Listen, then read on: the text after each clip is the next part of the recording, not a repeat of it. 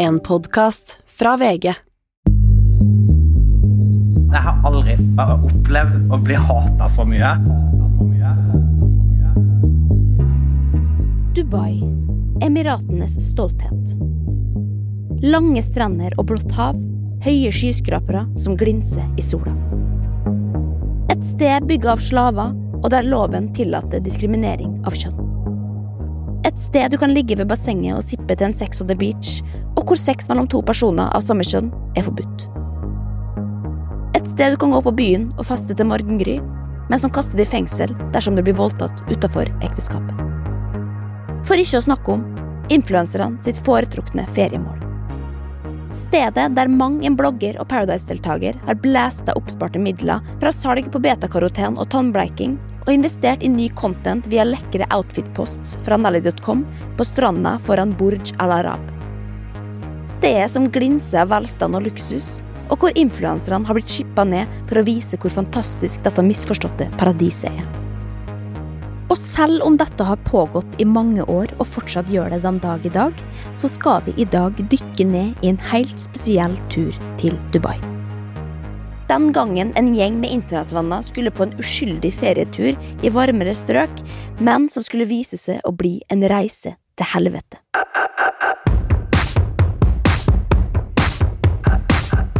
Jeg heter Linnea Myhre og er ikke gravjournalist. Men jeg er veldig interessert i detaljene du trodde at du ikke trengte, og i dag skal vi gå tilbake til en hendelse i litt nyere historie, men som likevel føles fjernt. Nemlig da seks influensere satte seg på et sponsa Norwegian-fly til Dubai, og gjennom Instagram skulle dele av sitt uproblematiske ferieopphold i Emiratene. En ferie som skulle være en avslappende kosetur til utlandet, men som skulle vise seg å bli et mareritt ut av en annen verden.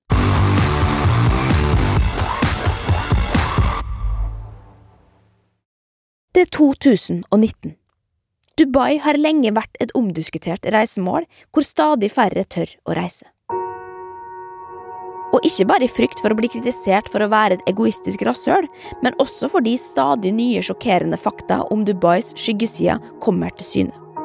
Om fengselsfanger som blir torturert og bortført, eller det faktum at det er lov å slå kvinner så lenge det ikke får varige fysiske skader. Alle er enige om at det er dumt å reise til Dubai. Eller ikke alle. For det er januar samme år at en gjeng venner i influenserbransjen er keen på en ferie. Det er jo årets kjedeligste måned, tross alt, og etter en heftig desembermåned med events og julebord og goodiebags, så er det på tide med en velfortjent ferie.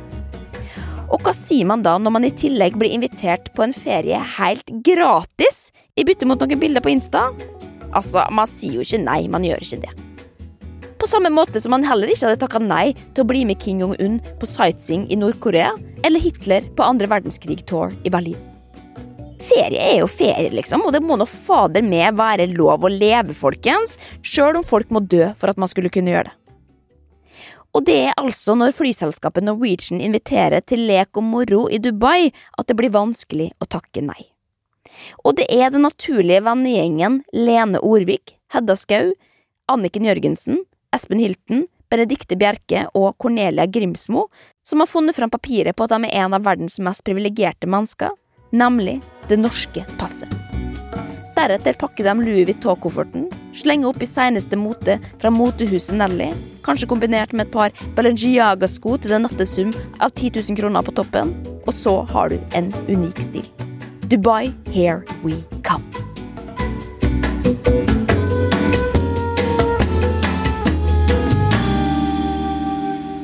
Nå veit ikke jeg akkurat hvordan verken reisen eller oppholdet så ut, altså, da jeg eh, ikke får skryte, men jeg var faktisk ikke der. Men i dag så tenker jeg at jeg skal tillate meg å sette meg sjøl og dere inn i situasjonen, så da får dere bare ta dette her med en liten klype salt, altså kanskje plukka fra noen slaver straight out of en saltmine, da, ikke altfor langt unna. For det er i tidlig januar 2019. Bloggbanden har nettopp inntatt et bedre måltid på Oslo lufthavn. Hver sin proteinbar og et glass med bobler, kanskje, da.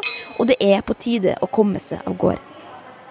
De har boarda Norwegians Boeing 737 Max 8, og det i går ut ifra at er business class.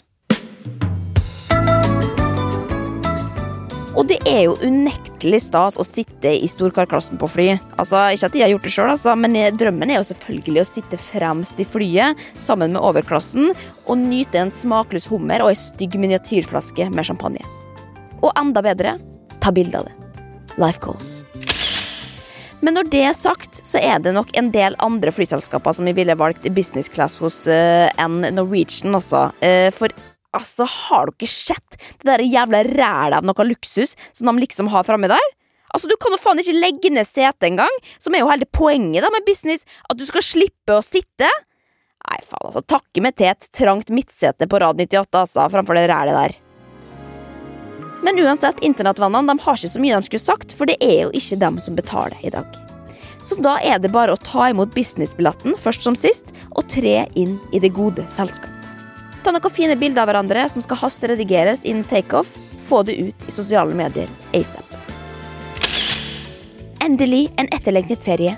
Can't wait for sunshine and chill. See you soon, Dubai. Hashtag wakey-mode. Det er sikkert ikke akkurat det de skrev, da, men eh, faktisk, når jeg går inn på Lene Orvik her, sin Instagram-profil, og scroller meg tilbake, så ser jeg for det første at hun sitter faktisk ikke på business class engang, og som er jo meget skuffende, da. Altså, Norwegian, you had one job, altså.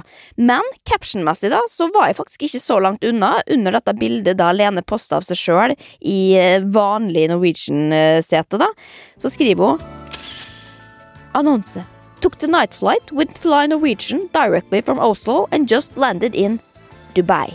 Også med en sånn kamel-emoji, da, så vi var faktisk ikke så langt unna her. Uansett, 4000 pluss likes, så da får det være greit. Kjør da, Dubai.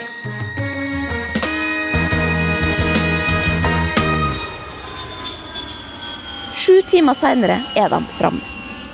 Det prikker i huden idet det nærmere 70 tonn tunge flyet deiser i bakken på arabisk jord, og de seks norske internettvennene klapper i hendene. Fy faen, altså. Nå skal det leves, karer.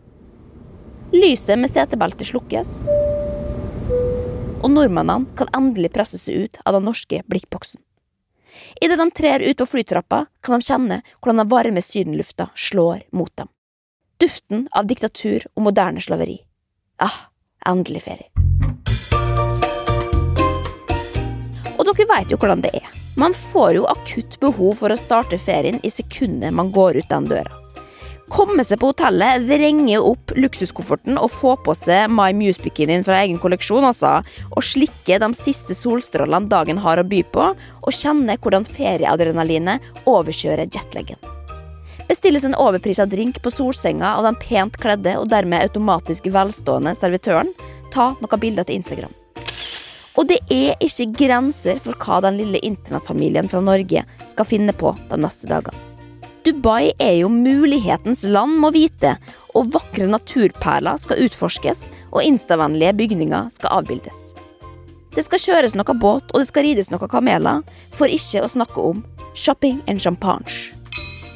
Folk vil jo bli inspirert, med å vite, så da er det bare å kjøre ut på Insta fortløpende, altså, så folk der hjemme kan bli påminnet hvor fantastisk Dubai er, og det er gjerne opptil flere ganger i timen via seks forskjellige kameralinser. Og i starten så går det greit. Ferieforelskelsen er enda søt, og det er full fokus på lyks og mys. Det skal smøres inn i solkrem og bodyglow, og dagens bikini skal matches med strandvesker og sko. Det skal være solpudder og solhatt og riktig bakgrunn for dagens outfit-post. Deretter skal det skilles ved poolen, og en duggfrisk rosévin helles i glass, holdes opp foran bassenget. Ut på Insta. Life is good. Hashtag reklame. Men mens bildet rulles ut til norske følgere hjemme i januarkulda, begynner det å tikke inn meldinger. Og da snakker jeg ikke om den meldingene med spørsmål om hvor bikinien er fra, eller hva slags hårprodukt som er brukt. Nei, nå snakker jeg om det influensere flest kaller hat, nemlig kritikk. I begynnelsen så er det relativt lite plagsomt. Det er bare to, tre, fire, fem kommentarer her og der, liksom sånne slengbemerkninger da, om at Dubai som kvinnefiendtlig og homohatende diktatur og sånn, at det rett og slett er det verste stedet du kan dra til, da, og litt om hvorfor, eh, som er jo da rett og slett litt eh, god gammeldags misunnelse, da, eh, kan man si. Og litt motstand må jo være greit, tenker de seks turistene. Eller, altså, de blir jo litt stressa, da, de blir jo det, men det er nå bare å slette kommentarene, da, og så finnes de ikke lenger. Men så er det noe som skjer. For mens det smøres inn med aftersun og skiftes til aftenantrekk i Dubai, så begynner internett å gå varmt hjemme i Norge. For jo flere bilder av solkyssa hud det postes fra Dubai med hashtaggen reklame, jo flere syns at det begynner å lukte solbrent. Og en av dem som følger ekstra godt med, er den faktiske gravejournalisten Morten Hegseth, som nå filer neglene sine mens han gjør seg klar til å hamre løs på et tastatur. For én ting er å reise på ferie til helvete med penger fra egen lomme. Men en annen ting er når noen sponser turen din i bytte mot reklame for å vise hvor vakkert helvete faktisk kan være. Hva tenker man egentlig når man takker ja til noe sånt, og hva slags budskap sender det? Veit de hva de gjør? Det går ikke mer enn et døgn i Dubai før det blusser opp. Kommentarfelt og forum eksploderer, og i Jodels sladderom skrives flere nye innlegg hvert eneste minutt.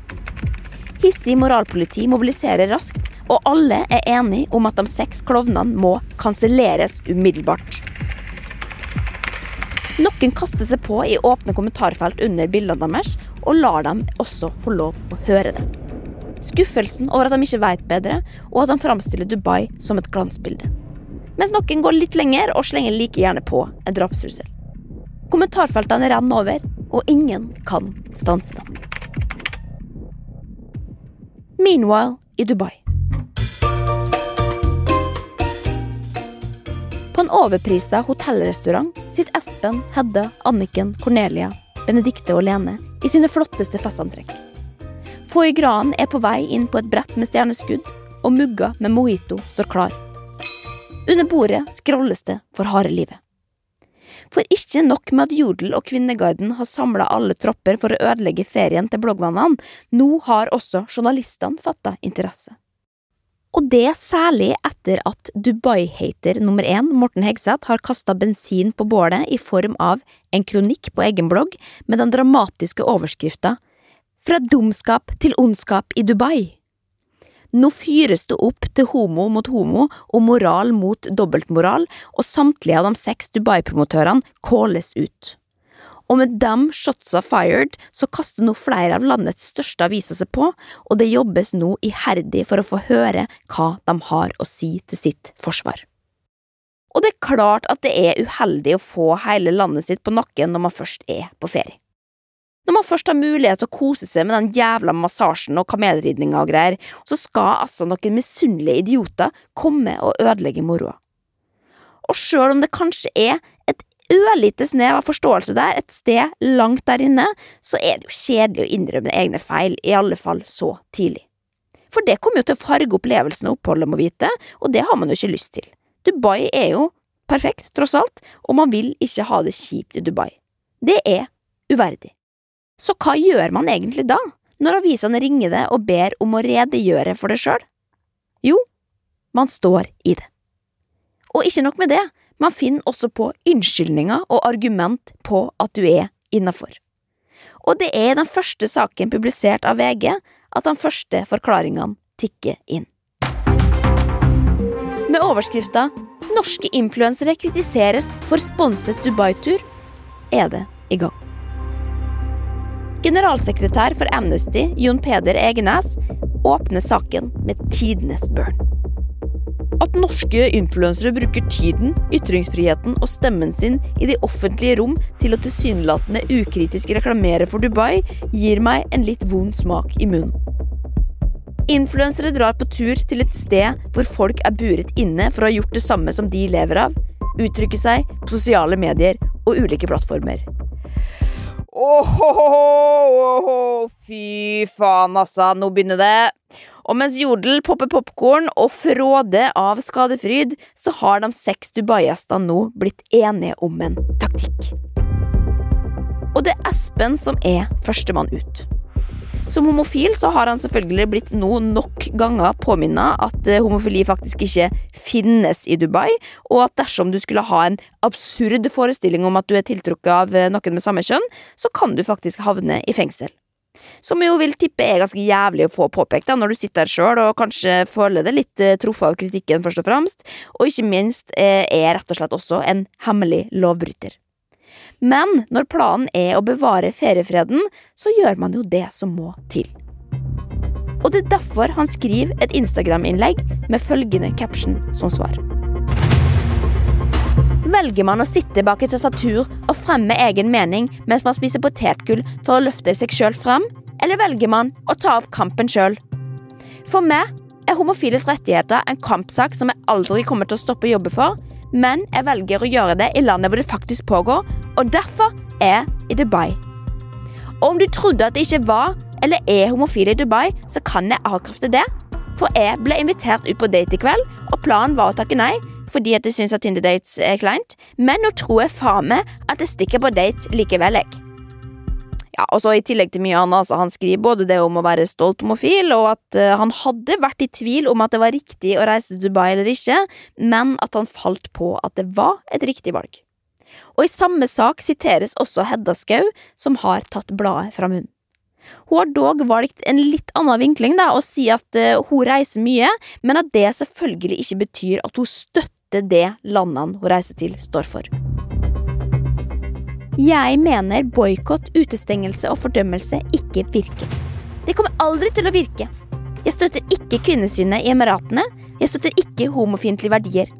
Jeg er selv kvinne. Jeg har to døtre og en sønn. Jeg har mange homofile venner. Jeg er her for å oppleve denne delen av verden, ikke for å gå i demonstrasjonstog for deres steinaldermeninger, som hører hjemme på Historisk museum.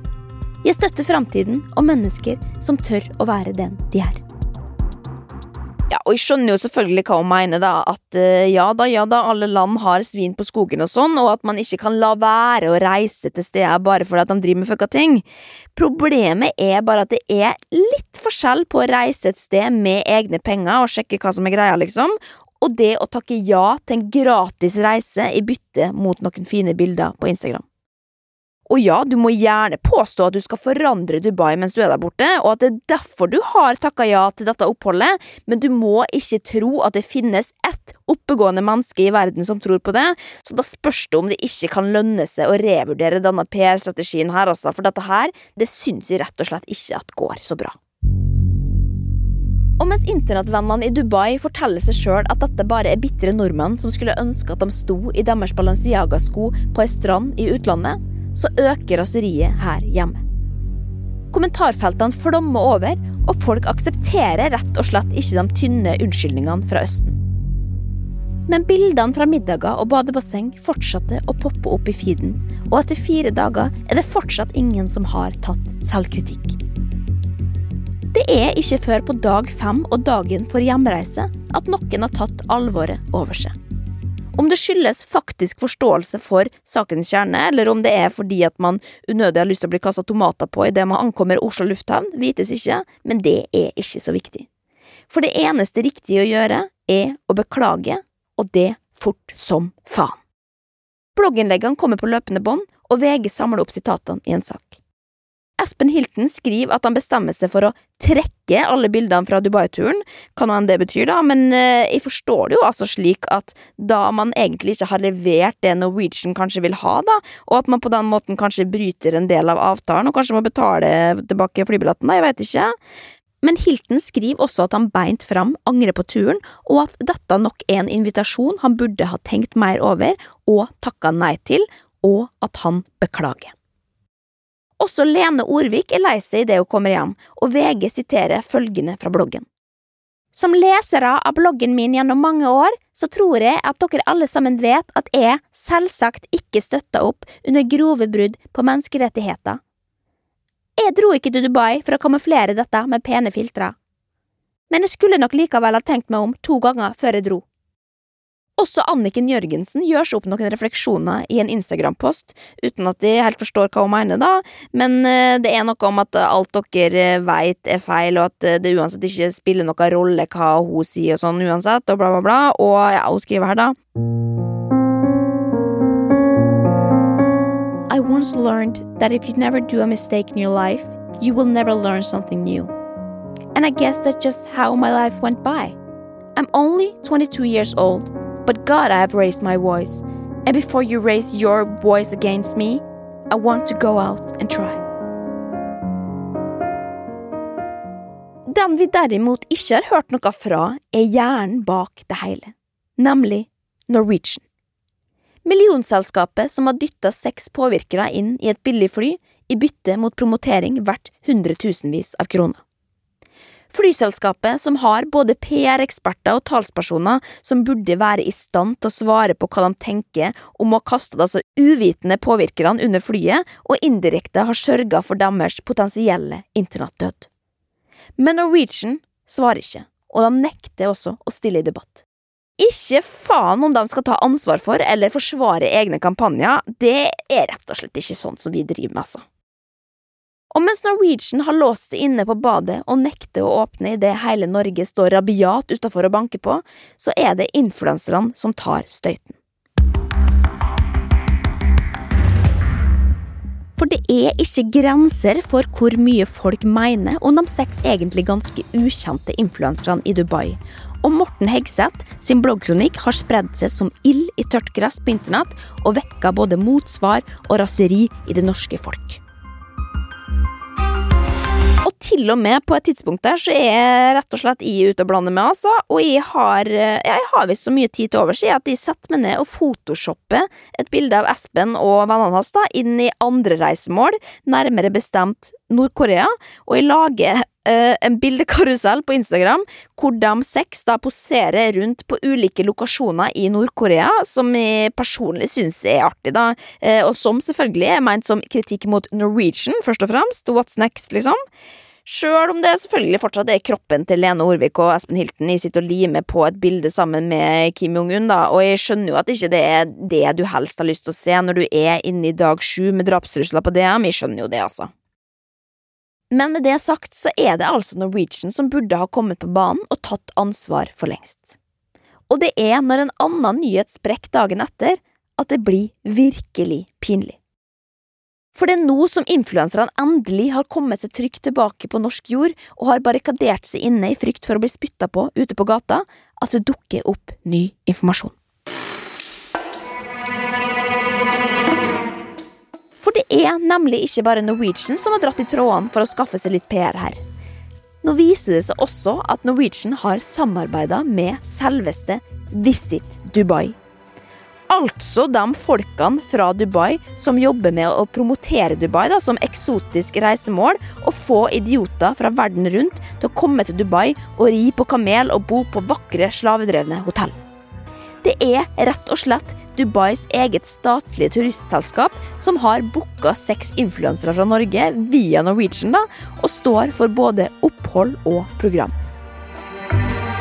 Men det har visst Norwegian glemt å opplyse både influenserne sjøl og publikum om, og det er først nå at Norwegian blir tvunget til å svare for seg. Og I en sak på VG siteres nå et brev som Norwegian skal ha sendt til Forbrukerombudet, muligens i et forsøk på å redde egen ræv. Vi ønsker herved å redegjøre for dette arbeidet, og da spesifikt reisen med påvirkere til Dubai denne måneden, der Norwegian sto for flybillettene og Visit Dubai for opphold og program. Og som om det ikke var flaut nok, så stopper det selvfølgelig ikke der. Ifølge influenserbyrået United Influencers, som da har hele denne gjengen da i staben sin, så har dem som faktisk reiste på turen, ikke fått beskjed om at det var flere involverte her, og de uttaler følgende til VG.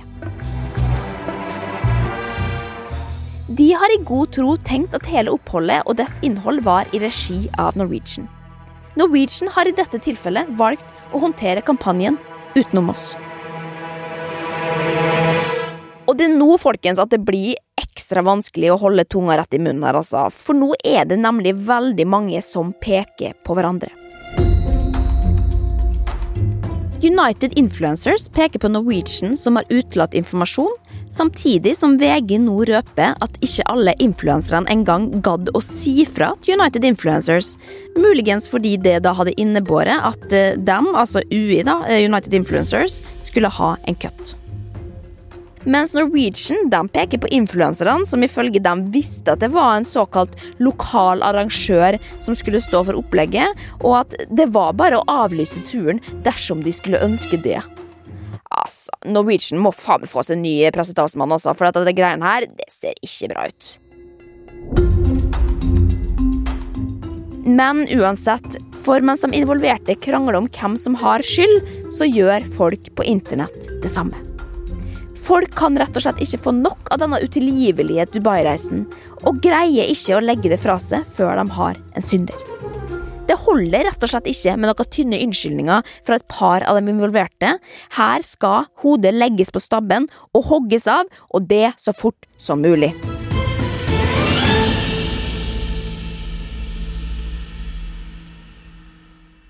Og det er nå, mine damer og herrer, at det skal skje.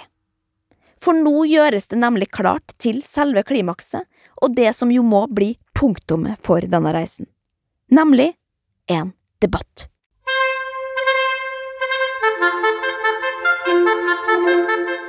Og det er på et utested i Oslo at det er duka for oppvask. Tittelen er som følger Dubai-gate. Er kritikerne for sinte, eller bloggerne for naive? Og VG har altså greid å samle en knippe av de involverte fra begge sider. I panelet sitter blant annet Morten Hegseth, som jo faktisk satte i gang og sørga for denne debatten, da, og Amnesty generalsekretær Jon Peder Egenes. I tillegg har vi journalist og samfunnsdebattant eh, Ingeborg Sannesata og Susanne Kalutza, og influenser Kristine Ullebø. Og sist, men ikke minst, to av de seks Dubai-turistene, nemlig Espen og Hedda, som eh, jeg syns vi skal gi en honnør til, altså, for det er faktisk ganske rått. Og aller sist, men definitivt ikke minst, med oppgaven om å lede hele driten, Ingeborg Heldal. Debatten går live på VGTV, men i tillegg så selges det billetter for 250 kroner stykket, og her må jeg bare innrømme det, altså. Jeg var faktisk en av dem som kjøpte billett, og som var der in real life. Som, ja, Det er jo litt pinlig å tenke på, da, at de ikke hadde noe bedre å finne på enn å møte opp uh, der en januarkveld, men drit nå i det. For i og med at de var der, så kan jeg også huske hvordan det føltes. Jeg kan huske stemninga idet jeg entra det mørke og ganske stappfulle lokalet altså, en sen januardag. Og jeg kan liksom erindre følelsen av at det, ja, det liksom bruste litt i blodet, og jeg var rett og slett litt gira, altså. For det var jo unektelig en god lineup, og jeg husker at jeg syns at det var veldig veldig imponerende at Hedda og Espen faktisk stilte, og særlig i fraværet av Norwegian eller United Influencers, som eh, begge selvfølgelig hadde fått tilbudet, da, og Morten hadde altså jobba med å overtale i ei uke for å stille, men som ja, sikkert syntes det var litt eh, vel ubehagelig da med kritiske spørsmål, og syntes at det var mer beleilig å sende privatpersonene Hedda og Espen for å ta støyten. Uansett, er nå på plass i, og det er med hetta dratt langt ned i ansiktet at jeg entrer rommet. Mye fordi at de selvfølgelig ikke har lyst til å være hun som er på debatt om influensere i Dubai. Eh, fordi at, eh, ja, Jeg tenker nå sikkert at de er for kul for det, da, sikkert. Eh, men også fordi at de ikke har lyst at Espen Hilton skal se meg, ettersom jeg har fått ja, noen signal om at han ikke syns det der Photoshop-kunstverket mitt var like gøy som jeg syns, da. Og det er med en viss frykt for å bli konfrontert at de sniker meg inn langs en stor rad langt bak. Men like etter så er det i gang, og mine damer og herrer, la meg introdusere det som skal bli den viktigste debatten i 2019 Dubai-gate.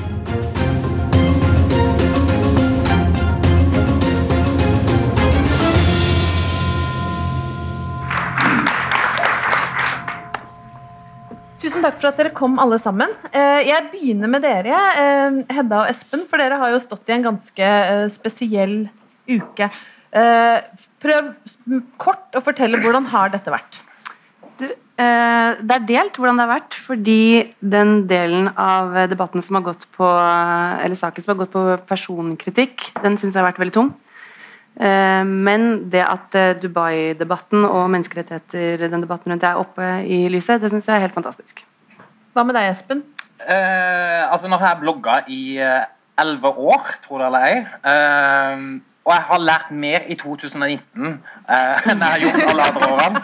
Så jeg er veldig fornøyd med hvordan ting har vært. Det har vært tøft, og kritikk er kjempebra.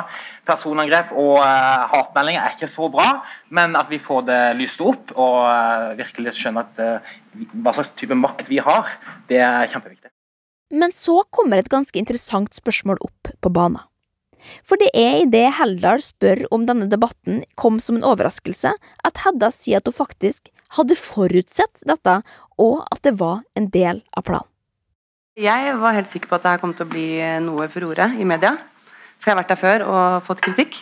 Jeg følte at jeg ikke belyste bra nok sist hva mørkesidene er. Og det syns jeg er veldig viktig. Det er min plikt som eh, influenser med mange følgere. Så denne gangen så skulle jeg da skrive et eh, heftig innlegg om eh, for og mot Dubai. Det rakk du ikke. Det rakk jeg ikke. Ja, nettopp. Eh, for det er jo et spennende element å kaste inn i denne miksen og debatten nå, da. At eh, planen med å reise på sponsortur til Dubai egentlig var å avsløre skyggesidene ved det i et blogginnlegg. Altså, Nå har ikke jeg sett den kontrakten, altså, men det høres i tilfelle ut som en veldig god deal. altså. Sponsa opphold, flyreise og underholdning, for å så trashtalke hele greia etterpå. Ja, nettopp. Men uansett, det ble nå ikke noe blogginnlegg da, i og med at det ble så mye kritikk isteden. Men det viser seg altså at Espen har hatt uh, samme strategi, da, angivelig, hvor planen hele veien hadde vært å slå et slag for homokampen i Dubai og dra på date i et land hvor folk blir fengsla for akkurat det. Når jeg da fikk det spørsmålet om å reise til Dubai, så sa jeg til Norwegian jeg vil gjerne reise til Dubai, men jeg vil gjerne skrive det jeg brenner for, og det, det brenner begge to for, og det er da eh, for homofile. Jeg var kjempenysgjerrig på hvordan er det å være homofil i Dubai. Ja, og her, altså, det, må være innafor å si dette, altså, fordi Espen, jeg digger det, altså, men dette blir litt for tynt for min del. Eh, noe som eh, viser seg at jeg ikke er helt aleine om å mene. Kjør da, Morten Hegseth. Jeg tror ikke noe på uh, at dere dro dit for å skrive kritiske reisereportasjer om homofile. Og, ikke bare det. det ikke bare det. Men, men, men, det er jo bare, jeg bare tenker sånn, Den kommersielle naturen er jo sånn for Norwegian og Visit Dubai. De har ett mål i sikte. Det mm. er at vi skal klikke oss inn på Norwegian, bestille oss en lyksreise til Dubai og ha det fint der. Og Jeg synes det hadde sånn, jeg hadde skjønt det 100 ja, eh, hvis noen hadde sagt sånn Sorry, jeg dreit meg ut, jeg hadde bare lyst på en gratis pina colada og litt sol i, når det var 14 minus i Norge. Men når man skal begynne å forsvare det med at man egentlig dro dit for å skrive om at det er forferdelig, da begynner det liksom å stusse litt for min del. Ja, og det er jo kanskje dette som hadde vært hele løsninga her. Hvis Hedda og Espen bare hadde turt å si at ja, for faen, jeg gjorde en feil, jeg hadde lyst på pause fra jævla vinterdeprimerte Norge, få servert noen drinker på ei solseng i Dubai, samme faen om det er fattige barn eller voksne eller slaver eller hva faen, altså bare gi meg fuckings break fra dette jævlig privilegerte kuldegrader-helvete vi lever i! For det er jo noe vi alle kjenner på en gang iblant, det, og det er derfor det er en bitte, bitte liten luke der for at du faktisk kan greie å ro deg ut av denne situasjonen her og i land, hvis du bare ordlegger det riktig. Men problemet er bare at Hedda liksom greier sånn akkurat ikke å omfavne det, og i stedet så trekker hun nye, syltynne unnskyldninger opp av hatten. Det er helt riktig som Morten sier, det er fristende med sol og varme. De som skulle være med på turen, var kolleger og venner. Mm. Eh, det var fire dager. Det var ikke betalt tur. Betalt, altså billetten var of course betalt siden de inviterer oss. Og det eneste vi skulle gjøre, var å formidle at eh, de flyr direkte. Ja. Eh, det første jeg spurte om, var er det betalt, for da hadde jeg aldri reist. Jeg hadde ikke dratt ned og fått penger for å si at det er fantastisk for var, for det er det ikke. Aldri ment det, aldri sagt det til noen. Men for i faen, altså selv om du ikke får penger for det, så er det jo for fader meg gratis, og det er jo praktisk talt det samme som å få betalt! Herregud, kan du ikke bare betale for billetten din sjøl, hvis det er så jævlig viktig for deg å dra til Dubai og stille kritiske spørsmål? Jeg skjønner ikke problemet! Men ok, greit, for debatten den går mot slutten. Alle roser Hedda og Espen for å stille, mens det blir sagt både mye opplysende og klokt da, i løpet av denne knappe timen, eh, men likevel så har jeg lyst til å si at det er influenser Kristine Ullebø som oppsummerer debatten og det kun på to setninger. All konstruktiv kritikk ble feia under teppet, og jeg savner at vi at, Jeg tror vi minner oss selv på at vi er en del av et profesjonelt næringsliv. Dette er bransjen. Vi må deale med det. Hvis det er for vanskelig, så syns jeg rett og slett at man bør ta og jobbe med noe som er mer komfortabelt. Det er ikke så vanskelig å innrette seg etter regelverket.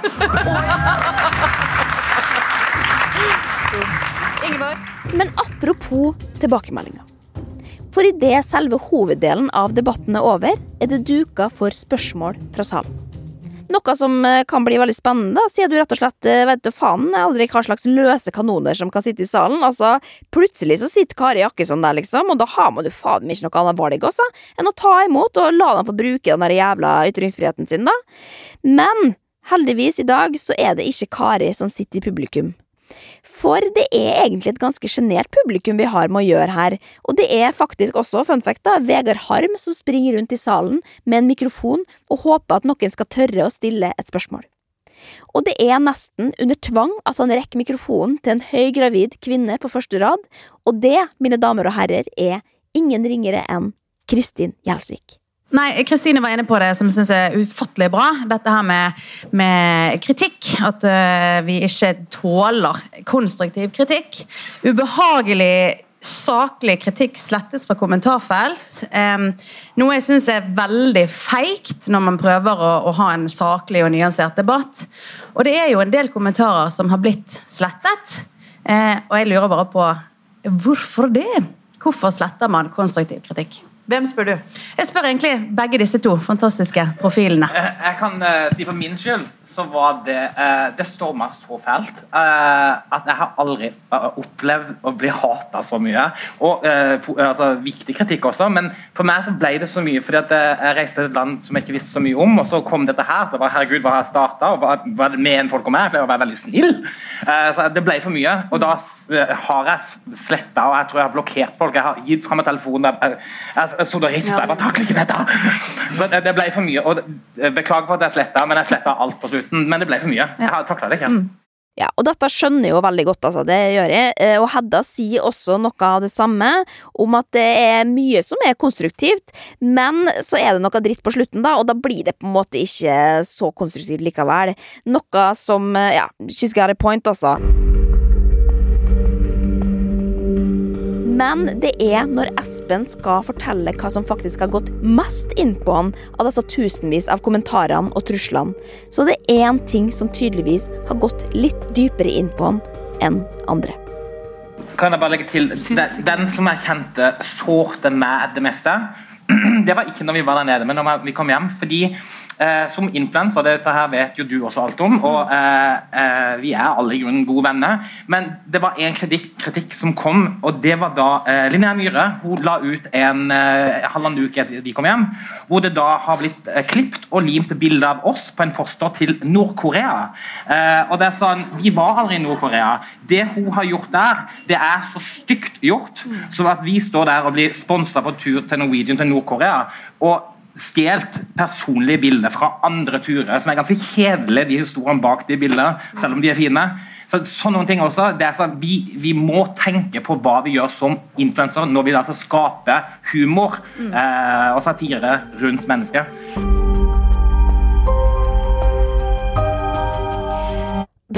Og ja, og det må jeg si, altså. At selv om det er jo selvfølgelig litt eh, stas å bli nevnt, altså, så er det jo sjeldent at jeg har hatt mer lyst å synke så hardt ned i gulvet som da dette ble sagt. Altså, det var som at de kunne kjenne blikkene i nakken fra resten av salen, og til tross for at man jo selvfølgelig føler seg litt eh, misforstått, da, så føler man seg jo også unektelig litt som eh, en mobber, rett og slett. Eh, særlig når det faktisk er en fyr du også kjenner og liker ganske godt, og du veit er en fin fyr. Og da har jeg rett og slett så høy puls at jeg veit ikke hva jeg skal gjøre. For problemet er at hvis jeg reiser meg opp nå for å fortelle min versjon, så kommer jeg mest sannsynlig til å skjelve sånn i stemmen. Eh, men hvis jeg lar være, så kommer jeg mest sannsynlig til å angre, da. Og i verste fall så blir hun som tråkka på en fyr som allerede lå i rennesteinen etter å ha slått et mislykka slag for menneskerettigheter i Dubai. Og ikke at denne debatten på noe som helst måte handler om meg eller et amatørphotoshop på Instagram-innlegg, men jeg er jo som alle andre keen på å redde egen ræv her. Og etter et par andre spørsmål fra salen, så har jeg fått eh, litt eh, lavere puls, da, endelig. Så da er det bare å knipse på Vegard Harm, altså. Få en mikrofon og kjøre forsvarstale.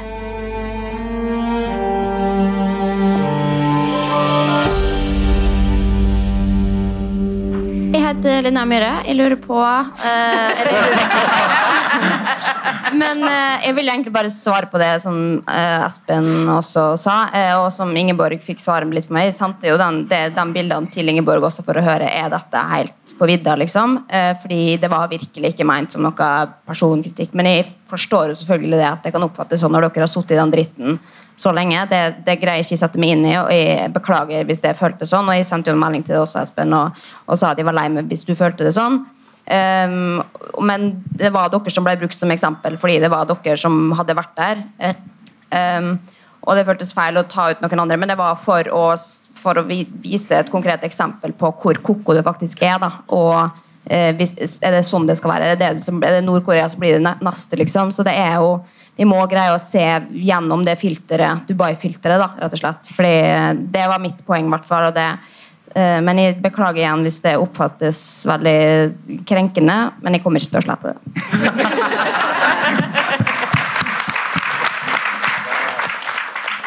Altså, jeg orker ikke.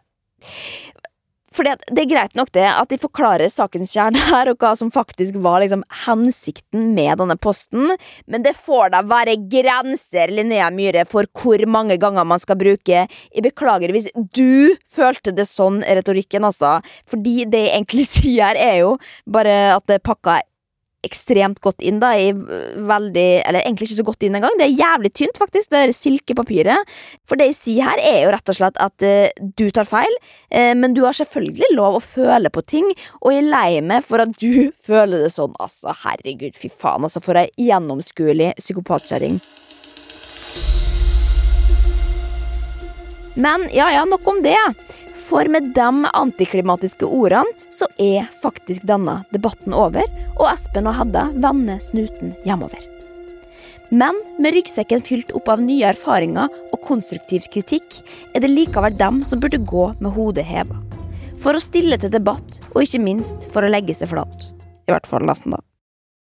Men det vi trygt kan si at er kvelden og debattens tapere, er Norwegian. Millionselskapet som har brukt minimalt med penger på å sponse uvitende influensere på både ulovlig og uetisk vis, uten å engang ta selvkritikk for det. Og bare én måned etter går Forbrukertilsynet ut med en rapport der de mener at Norwegian faktisk brøyt markedsføringsloven. At det er Norwegian som har gjort en feil, og ikke influenserne, som rett og slett bare beint fram har blitt ført bak lyset. Jeg tror i hvert fall at vi trygt kan si at det ikke er den beste ideen Norwegian har hatt.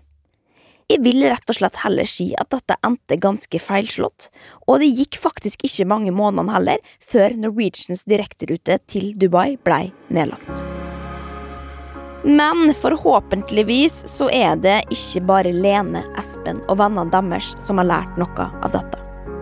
Kanskje kan også vi tenke oss en ekstra gang om neste gang vi skal ut og reise. At det kan lønnes å ha litt kunnskap om stedet du faktisk skal til, og at selv om det ser fint ut på restplassene nå, så kan det være greit å vite hva du støtter opp om, og hvordan du ikke minst representerer det. At ikke det er ubetydelig hvilket reisemål du velger, enten du har 100 eller 100 000 følgere på Instagram, fordi det er faktisk det at du ikke bestiller den billetten til Dubai som gjør at Norwegian må legge ned direkteruta si.